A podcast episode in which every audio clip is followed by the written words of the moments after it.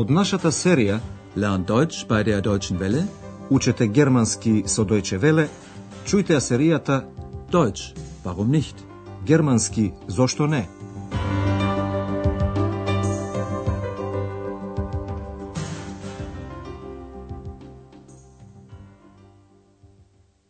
Liebe Hörerinnen und Hörer. Добар ден, почитувани слушателки и слушатели. Денеска наред е 18-тата лекција под наслов. Тоа го знам од него.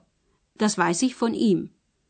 Во последната лекција откривте дека името на градот Ахен значи вода. Една жена го праша Андреас. Dann kommt der Name Aachen von Aqua und bedeutet Wasser?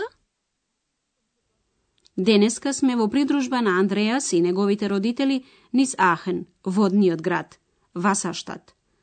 Aachen, se na reku Vataka, Vonego ima termalni izvori i mnogo ubavi bunari, brunan. Vaša zadaća je da otkrijete da li od bunarite je za pijenje. Andreas, zeigst du uns die Stadt? Oh, ja. Also, ihr wisst, Aachen ist eine Wasserstadt. Sowieso. Aachen bedeutet Wasser. Woher weiß sie das denn? Von Andreas.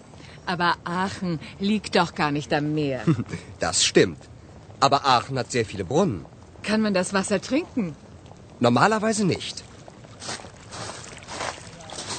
Das hier ist der Elisenbrunnen aus dem Jahre 1827. Und das Wasser kann man trinken. Das möchte ich mal probieren. Aber das schmeckt scheußlich. Brrr. Woher weiß sie das denn?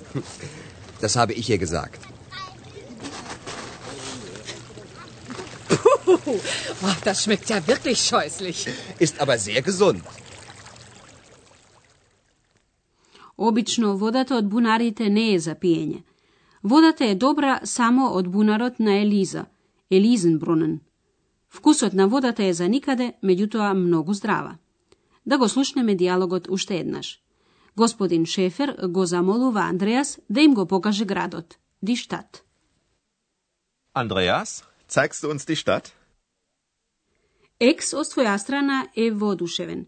Ах, да, Au ja, Андреас почнува со општо опишување. Па, знаете, Ахен е воден град. Also, ihr wisst, Aachen ist eine Wasserstadt. Екс се фали дека и таа нешто знае. Aachen bedeutet Wasser. Откако господја Шефер прашува изненадено од каде знае, Екс објаснува.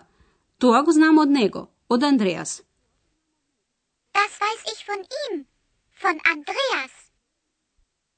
Господја Шефер возвраќа. Ама Ахен не лежи на море. Aber Aachen liegt doch gar nicht am Meer. Андреас кажува дека Ахен има многу бунари, брунен. Aber Aachen hat sehr viele Brunnen.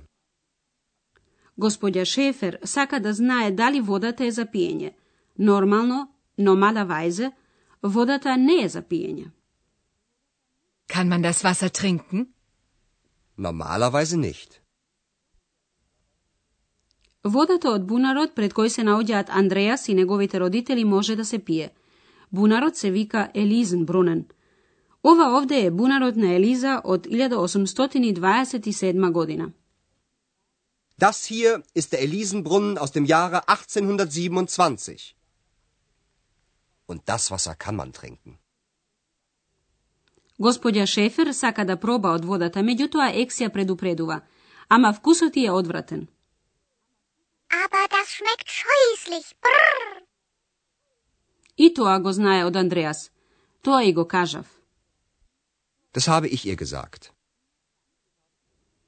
Има право. Водата на вистина е одвратна, меѓутоа здрава. Ist aber sehr gesund. Прошетката продолжува кон катедралата. На пат говорат за Карло Велики, кој во годината 800 е крунисан за цар, Кајза. Тој својата резиденција, резиденц, ја изгради на местото каде што денеска се наоѓа катедралата. Причина зошто Карло Велики дојде во Ахен се врелите извори. Хајсе Квелен. Ваша задача е да откриете зошто Карло Велики дошол во Ахен. Bitte sehr. Das ist der Dom. Hier war doch früher die Residenz von Karl dem Großen, nicht wahr? Genau. Karl der Große hatte hier seine Residenz. Karl der Große? Das war ein Kaiser. Und warum war er in Aachen? Aachen hat sehr viele heiße Quellen. Und das war auch früher sehr angenehm. Zeigst du mir die Quellen mal? Okay, Ex. Das verspreche ich dir. Und ich möchte jetzt in den Dom gehen. Gut, das machen wir jetzt. Карло Велики значи дошол во Ахен поради врелите извори, кои биле пријатни за него. Да го чуеме разговорот уште еднаш. Господин Шефер прашува. Овде порано беше резиденцијата на Карло Велики, нели? Hier war doch früher die Residenz von Karl dem Großen, nicht wahr? Андреас потврдува. Точно, Карло Велики имаше овде своја резиденција. Genau. Karl der Große hatte hier seine Residenz. На повторното прашање на Екс, Андреас објаснува. Тоа беше еден цар. Das war ein Kaiser. Андреас натаму кажува дека Карло Велики дошол во Ахен поради врелите извори, Хајсе Квелен. Aachen hat sehr viele heiße Quellen. Врелите извори и порано биле мощне пријатни, angenehm. Das war auch früher sehr angenehm. И Екс сака да ги види термалните извори. Тој го прашува Андреас. Ке ми ги покажеш ли изворите?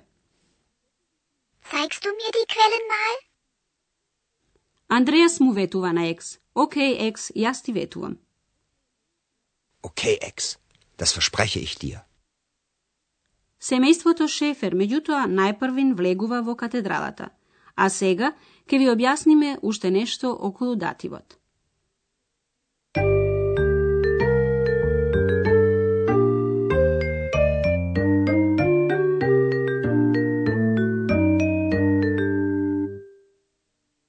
Како прво, ќе ви кажеме нешто за личните заменки во датив.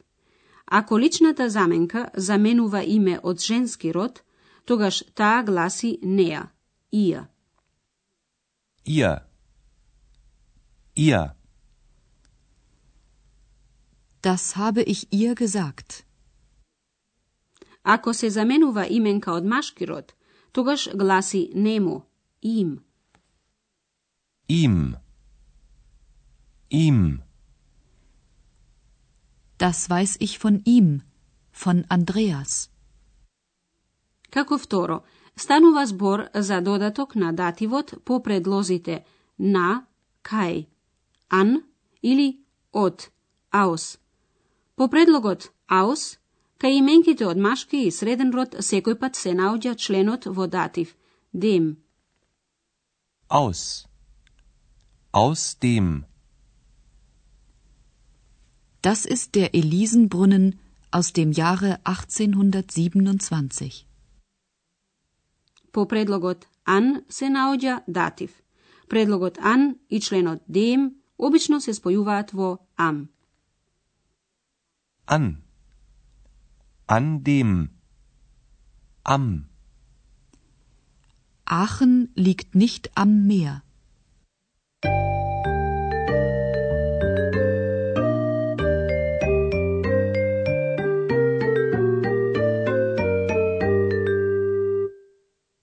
Да ги чуеме на крајот двата диалога уште еднаш.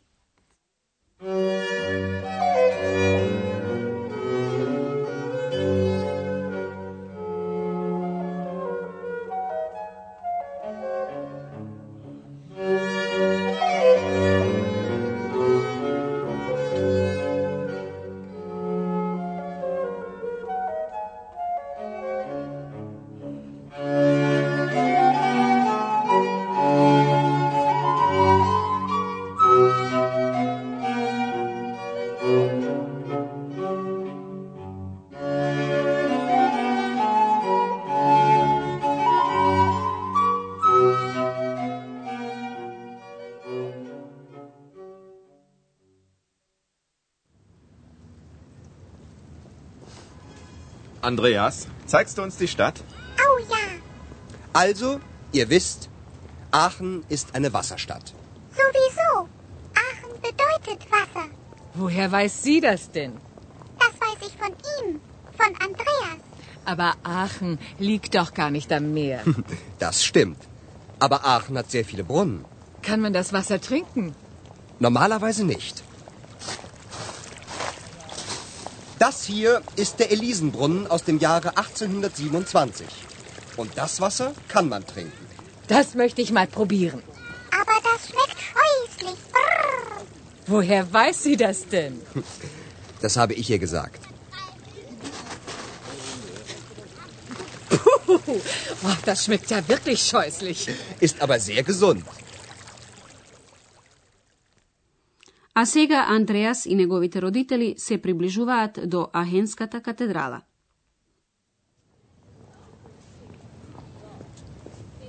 Bitte sehr, das ist der Dom. Hier war doch früher die Residenz von Karl dem Großen, nicht wahr? Genau. Karl der Große hatte hier seine Residenz. Karl der Große? Das war ein Kaiser. Und warum war er in Aachen? Aachen hat sehr viele heiße Quellen. Und das war auch früher sehr angenehm. Zeigst du mir die Quellen mal? Okay, Ex. Das verspreche ich dir. Und ich möchte jetzt in den Dom gehen. Gut, das machen wir jetzt. За денеска толку, а до наредната лекција до слушање. Auf Wiederhören. Тоа беше германски зошто не, радиоговорен курс на Херат Мезе во продукција на Дојче Веле и на Гетовиот институт од Минхен.